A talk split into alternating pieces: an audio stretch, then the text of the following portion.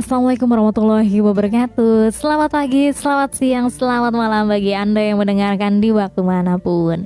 Kali ini Gia akan menceritakan sebuah cerita inspirasi Yang mana Gia ambil dari buku karya Cahyo Satria Wijaya yang berjudul Inspirasi Tanpa Menggurui. Dan cerita ini judulnya adalah tentang, bukan tentang tapi judul ceritanya adalah kebahagiaan ya di sini kenapa Gia hari ini memilih cerita ini untuk Gia bacakan karena di sini ada nilai kehidupan yang benar-benar bisa kita petik dan bisa kita aplikasikan di kehidupan kita. Oke, mau tahu ceritanya? Yuk dengarkan.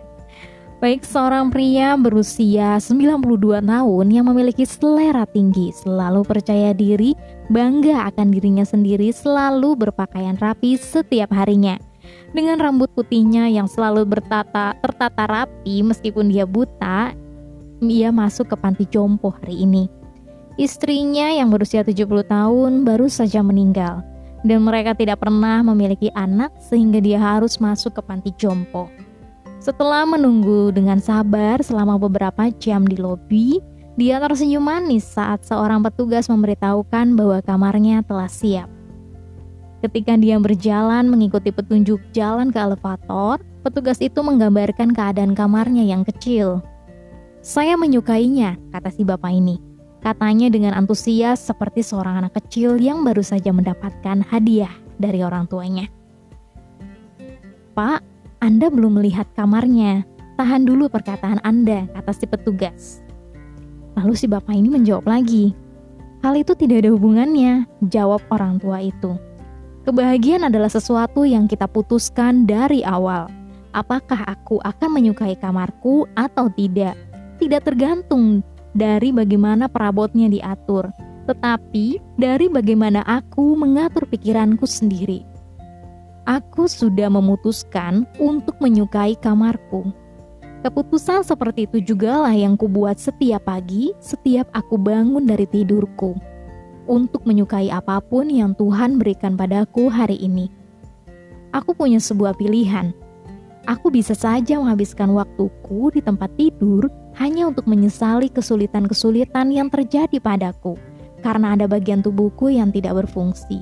Atau aku bisa turun dari tempat tidur dan berterima kasih atas bagian-bagian lain tubuhku yang masih bisa berfungsi. Jadi, setiap hari itu adalah hadiah Meski aku tidak bisa melihat, tapi aku masih bisa memutuskan dan memusatkan perhatianku pada hal yang baru dan pada semua kenangan indah dan membahagiakan yang pernah kualami dan kusimpan. Hanya untuk kali ini dalam hidupku, umur yang sudah tua adalah seperti simpanan di bank, dan aku akan menikmati dari yang telah aku simpan selama ini. Jadi, nasihatku untukmu adalah untuk menyimpan sebanyak-banyaknya kebahagiaan di bank kenangan kita dan berterima kasihlah pada orang-orang yang telah mengisi bank kenanganmu. Ingatlah lima aturan sederhana untuk menjadi bahagia. Yang pertama, bebaskan hatimu dari rasa benci, bebaskan pikiranmu dari segala kekhawatiran, hiduplah dengan sederhana, memberi lebih banyak, jangan terlalu banyak berharap. Nah, lima prinsip ini nih guys yang bener-bener udah mantep banget ya, masuk banget ke hati dan pikiranku banget ya lima aturan tadi yaitu bahagia. Ya bahagia itu dengan cara bebaskan hatimu dari rasa benci, bebaskan pikiranmu dari segala kekhawatiran, hiduplah dengan sederhana, memberi lebih banyak, jangan terlalu banyak berharap. Nah, karena kenapa? Kalau kita pikir-pikir ya, kebanyakan uh, banyak orang itu terlalu sibuk ya, sibuk mengejar materi yang ada di dunia.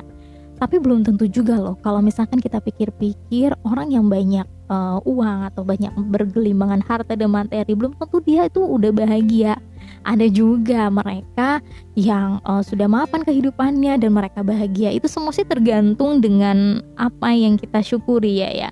Jadi kita memang harus mensyukuri apa pun yang kita dapatkan hari ini apa pun yang kita punya. Yang paling penting adalah kita harus bersyukur bahwa Tuhan masih memberikan nafas kepada kita hingga detik ini.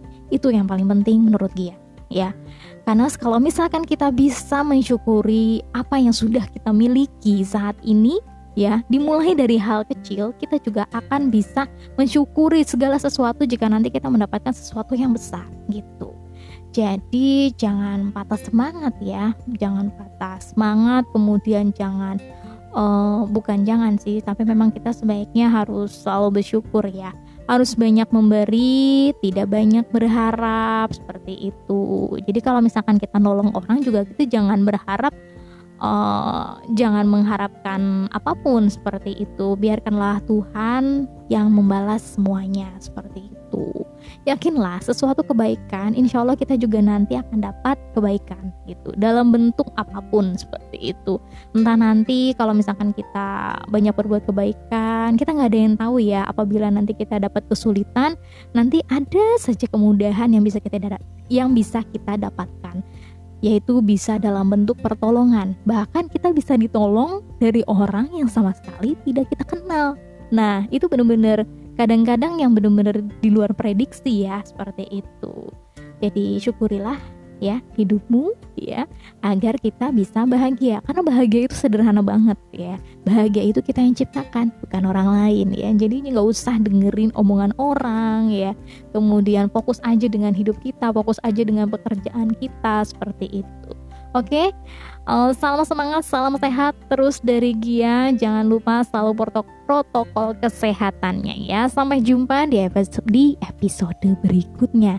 Nah, apabila nanti dari kalian uh, ada saran, mungkin cerita yang menginspirasi, yang mau juga kalian bagikan atau kalian sharingkan kepada orang lain, biar sama-sama mendapatkan aura positifnya atau bisa sama-sama belajar dari nilai-nilai kehidupan atau nilai-nilai hikmah yang bisa kita petik bersama bisa nanti uh, komentar kalau di Instagram. Mungkin dia akan kirim di feed Instagram bisa nanti kirimkan ke DM atau mungkin ke email juga nanti juga bisa. Oke terima kasih. Wassalamualaikum warahmatullahi wabarakatuh